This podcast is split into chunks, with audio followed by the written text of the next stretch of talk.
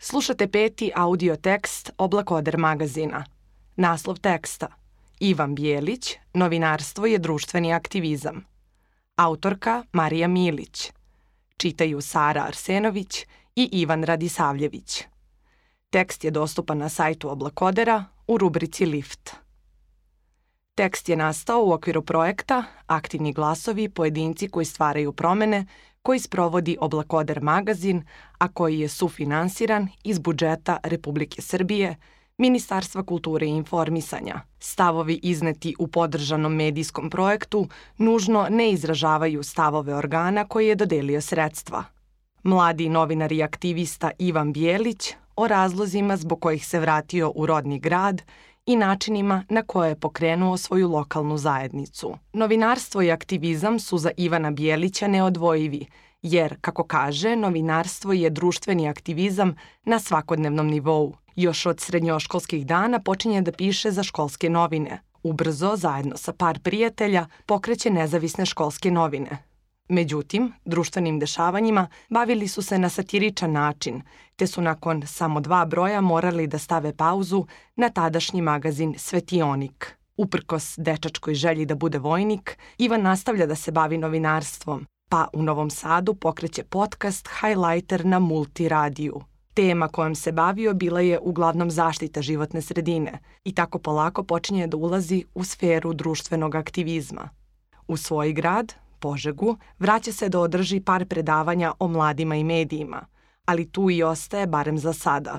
Nakon što je primetio da omladinci iz Požege žele da pokrenu lokalnu zajednicu, odlučuje da zajedno sa njima osnuje radijsku emisiju, omladinsku radioakciju. Zajedno sa mladim srednjoškolcima otvara brojna pitanja sa željom da kroz svoj rad doprinese napretku lokalne zajednice. Ivan nam govori kako je izgledala priprema prve radijske emisije sa mladim entuzijastima u Požegi, zbog čega je njemu pitanje ekologije i zaštite životne sredine značajno, kao i na koji način pokrenuti mlade na lokalu. Baviš se različitim stvarima, ali hajde da počnemo od primarne profesije, a to je novinarstvo. Kako i kada si poželeo da se baviš novinarstvom? Prvi dodiri sa novinarstvom bili su davne 2013. godine. Tada sam bio prva godina srednje škole i počeo sam da pišem za školske novine. Svake godine kad je školska slava, pravili bismo različite rubrike zajedno sa profesorima. Meni je to bilo jako zanimljivo. Međutim, moja prva želja je bilo da budem vojnik, ali sam ubrzo shvatio da je mnogo bolje biti vojni reporter, odnosno novinar. To me i dan danas drži i mislim da ću u jednom trenutku kad se negde zarati uzeti kameru i fotoaparat i otići da izveštavam sa takvih područja. Izveštavanje u kriznim situacijama mi je nekako najlepša stvar koju bih radio. Šta se dalje dešava nakon što si se oprobao u školskim novinama? Ubrzo otvaramo i školske nezavisne novine. Direktor nam je to dozvolio. Napravili smo uređivački tim od nas šestoro i krenuli da radimo za te novine, koje su se zvale Svetionik. Međutim, one su izašle samo u dva broja, jer ih je direktor obustavio nakon što je video o čemu mi to pišemo. To je bila više neka vrsta satire, komedije, tako da je vrlo brzo nakon toga usledila molba da prestanemo. Te stvari su u tom trenutku bile neprimerene za srednju školu. Forma je bila magazinska, objavljivali smo i priče o našim uspešnim drugarima iz škole, pratili smo i van nastavne aktivnosti. U tom trenutku nikom od nas nije palo na pamet da bismo mi to mogli da radimo na internetu, ali tada niko ništa nije znao o novinarstvu. Šta se dešava posle toga, s obzirom da definitivno nisi odustao od novinarstva? Nakon izvesnog vremena 2016. godine dobio sam poziv od direktora lokalnog radija da napravimo neku emisiju koja bi bila omladinskog karaktera. Mada smo i to malo preformulisali i napravili emisiju koja se zvala Tragovima prošlosti i koja je govorila o istoriji rock'n'rolla od samog početka preko klasične muzike, rokokoa pa sve do početka 21. veka. Svakog petka smo išli live i to je bio prvi put ikada da sam radio emisiju uživo. Međutim, ispalo je lepo. Iz nedelje u nedelju, posle dve godine, obradili smo pravce sve do 1980. godine.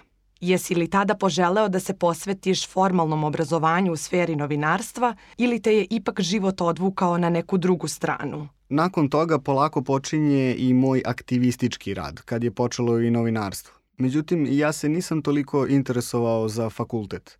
Ono što smatram važnim je da novinar mora da bude objektivan, a sve ostalo se da naučiti. Ovo je sve jedan veliki zanat koji učiš od starih kolega, učiš i na svojim greškama i gledaš da implementiraš neke nove stvari koje se dešavaju u svetu.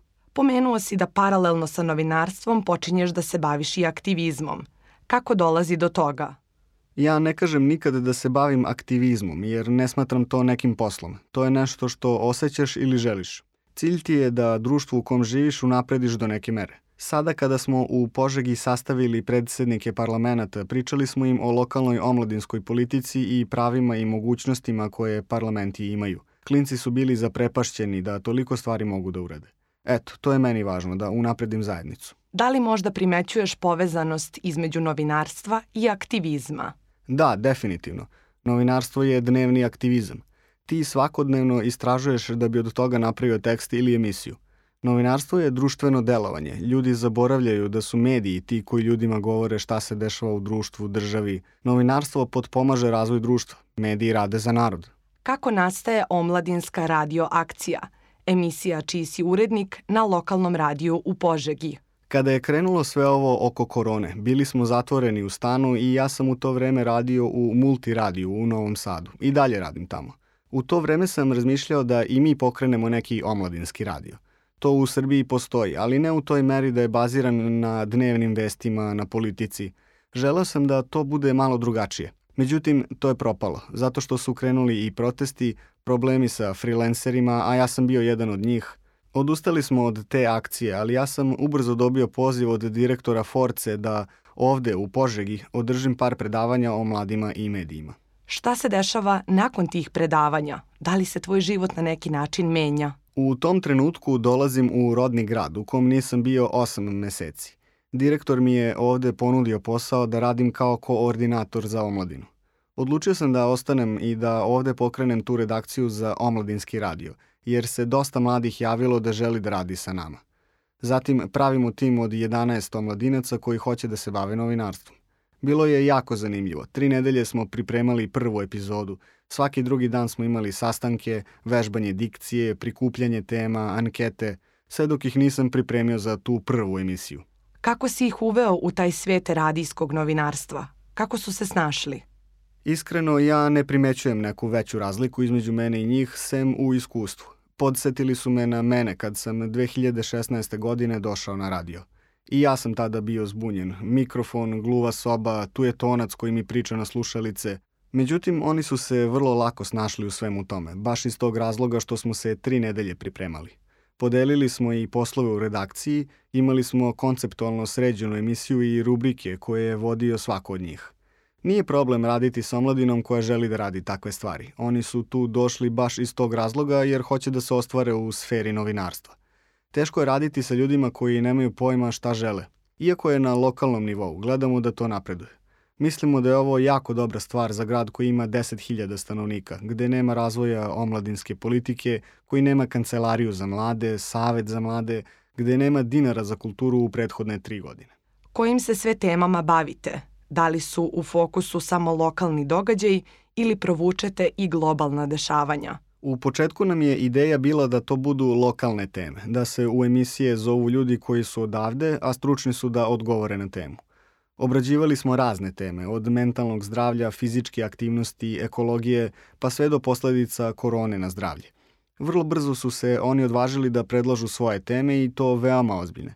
Jedna od njih je bila o iskopavanju litijuma – Nakon toga dobili smo malu blokadu od direktora radija, koji je bio protiv toga da obrađujemo tu temu. Mi smo tu emisiju odradili, ali nakon toga smo dobili klapnu, tako da više ne radimo na radiju, te smo se sada prebacili na internet. Mislim da je to jedna prava stvar za slobodu. Kako ostali omladinci reaguju na razvoj omladinske politike i aktivizam omladinskog radija u maloj zajednici? Do sada smo to pratili kroz njihove reakcije na društvenim mrežama – Takođe, pratili smo i kako reaguju na ankete koje radimo u gradu. Imali smo rubriku koja se zvala Žurnal, koja je prenosila lokalne vesti. Tu su nas ljudi prepoznali kao mediji.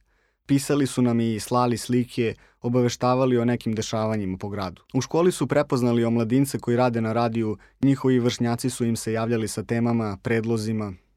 Pored rada na radiju u Požegi, pomenuo si da si i dalje aktivan na multiradiju u Novom Sadu. Tu vodiš i podcast Highlighter i serijal Prirodnjačke teme. Kako sada uklapaš rad u Požegi sa radom tamo? To ipak nije prestalo. Nije prestalo. Multiradio je jedna stvar koja je meni otvorila velike puteve u sferi tog nevladinog sektora – Highlighter, taj podcast je zasnovan na tome, dok su prirodnjačke priče serijal u okviru podcasta, koji je nastao kao ideja da ljudima približimo značaj prirode i potrebu da očuvamo životnu sredinu. Plan mi je bio da dovedem ljude koji imaju kredibilitet i koji mogu da stoje iza svake reči koje kažu. Krivo mi je što nije malo više propraćeno na YouTube-u. Koliko vidim, u trenutku kada je ekologija jako bitna, ljudi ne žele da čuju i naprave sebi neku vrstu edukacije koja je besplatna i gde će ti ljudi sa kredibilitetom ispričati zašto je to tako i na koji način rešiti problem. Kako si počeo da se interesuješ za ekološke teme, zaštitu životne sredine, klimatske promene? Ja sam odrastao na selu. To je neki prostor koji te okružuje prirodom, vazduh je čist i vodu možeš da piješ sa izvora. Kada odrasteš na mestu gde si non stop okružen divljim i domaćim životinjama, u dvorištu imaš potok, priroda ti je prostor u kom živiš. Ne želiš da vidiš plastičnu flašu, kesu, slamčicu za nes, jer im tu nije mesto. Prvi put kada mi je kliknulo je kada sam živeo u jednom delu grada, ovde u Požegi, iza kojeg se nalazi livnica. Kada bi iznosili veš da se suši, on bi nakon toga smrdeo na olovo. Tada je mama bila jako nervozna oko toga, a ja sam razmišljao Da li je moguće da ne postoji neki filter koji bi filtrirao sve to? Tada je krenulo sve. Ja kada na ulici vidim kesu, pikavac, jurim da sve to pokupim i počistim. Kako se tebi čini? Da li se promene na polju ekologije najbolje rešavaju na mikro ili makro nivou? Mora da postoji saradnja i volja vrha i ljudi koji su plaćeni da obavljaju tu vrstu posla. Moraju i oni da se potrude da implementiraju to znanje, a ne da gledaju lični interes. Ako vlast ne potencira zaštitu životne sredine kao primarnu temu na pravi način, ljudi na mikronivou neće kapirati kao temu koja je značajna. Ti si takođe koordinator u udruženju građana Forca u Požegi. Kako je došlo do toga i čime se sve udruženje bavi? Počeo sam da sarađujem sa njima tako što su me pozvali na par predavanja o medijima. Nakon toga je trebalo aktivirati omladinu. Kao što sam već pomenuo, nemamo kancelariju za mlade i ostale stvari – onda sam ja ušao da proverim da li mi to zaista nemamo ili tu postoje neki fiktivni ljudi koji sede na tim pozicijama i primaju platu. I da, primaju platu. Gde je sadržaj za mlade, koncerti, izložbe? Mene je do te mere iznerviralo da smo odlučili da napravimo opozicijonu stvar, gde ćemo imati predstavnike parlamenta, škola, udruženja mladih. Požega kao i svaka lokalna samuprava treba da obezbedi prostor za mlade. Na koji način Forca potpomaže razvoj mladih u lokalnoj zajednici, konkretno u Požegi? Forca dosta ulaže u mlade ljude, finansira obuke, edukaciju mladih. Sada nam je cilj da otvorimo omladinske ambasade u univerzitetskim gradovima gde ćemo imati omladince iz Požege koji su otišli na studije tamo i koji će pomagati ostalim mladim ljudima koji žele da studiraju u tom gradu. Aktivizam je esencija uspeha, vladavine prava. Forca radi i sa osobama sa hendikepom, manjinskim grupama, organizuje lokalne festivale. To je jedna organizacija sa tradicijom, koja mladim ljudima pruža priliku da napreduju i rade ono što žele. Značajna stvar je kada organizacija ili lokalna samouprava ulaže u mlade. Onda imaš aktivnu lokalnu zajednicu. Kako privući pažnju malo starijim ljudima da podrže udruženje građana, kako bi se i oni uključili oko lokalnih stvari? Moje kolege sa radija su pokrenule podcast koji se zove Dah provincije, gde su pozivali obrazovane ljude sa lokala koji su govorili o važnim temama. To je napravilo veliki bum, te su ljudi počeli da ga nazivaju gradski podcast. Mi smo počeli da radimo posao i lokalnog radija i lokalne televizije. Te priče su imale po par hiljada pregleda, što je za Požegu sjajno. Ovo je grad pun entuzijazma, prilike i ljudi koji žele nešto da promene. Mislim da tu ljude ne treba nešto puno animirati, već im samo dati priliku, kao i u nekim drugim manjim mestima. Ova sredina evidentno kreće da se menja. Za sam kraj reci nam da li za sada planiraš da ostaneš u Požegi i posvetiš se daljem razvoju svog grada? Na početku sam govorio o vojnom novinarstvu i to čekam da se u budućnosti desi. Međutim, ne bih se time bavio celog života. Plan mi je da se preselim na selo, ali to ne mogu da uradim dok ne budemo napravili društvo koje će mi pružiti priliku da tako živim. U suštini planiram da ostanem u Požegi, zato sam se i vratio. Ovo je mesto u kojem sam ja odrastao i koje mi je pružilo toliko prilika za napredak. Zato i želim da kroz svoj rad doprinesem napretku svoje lokalne zajednice.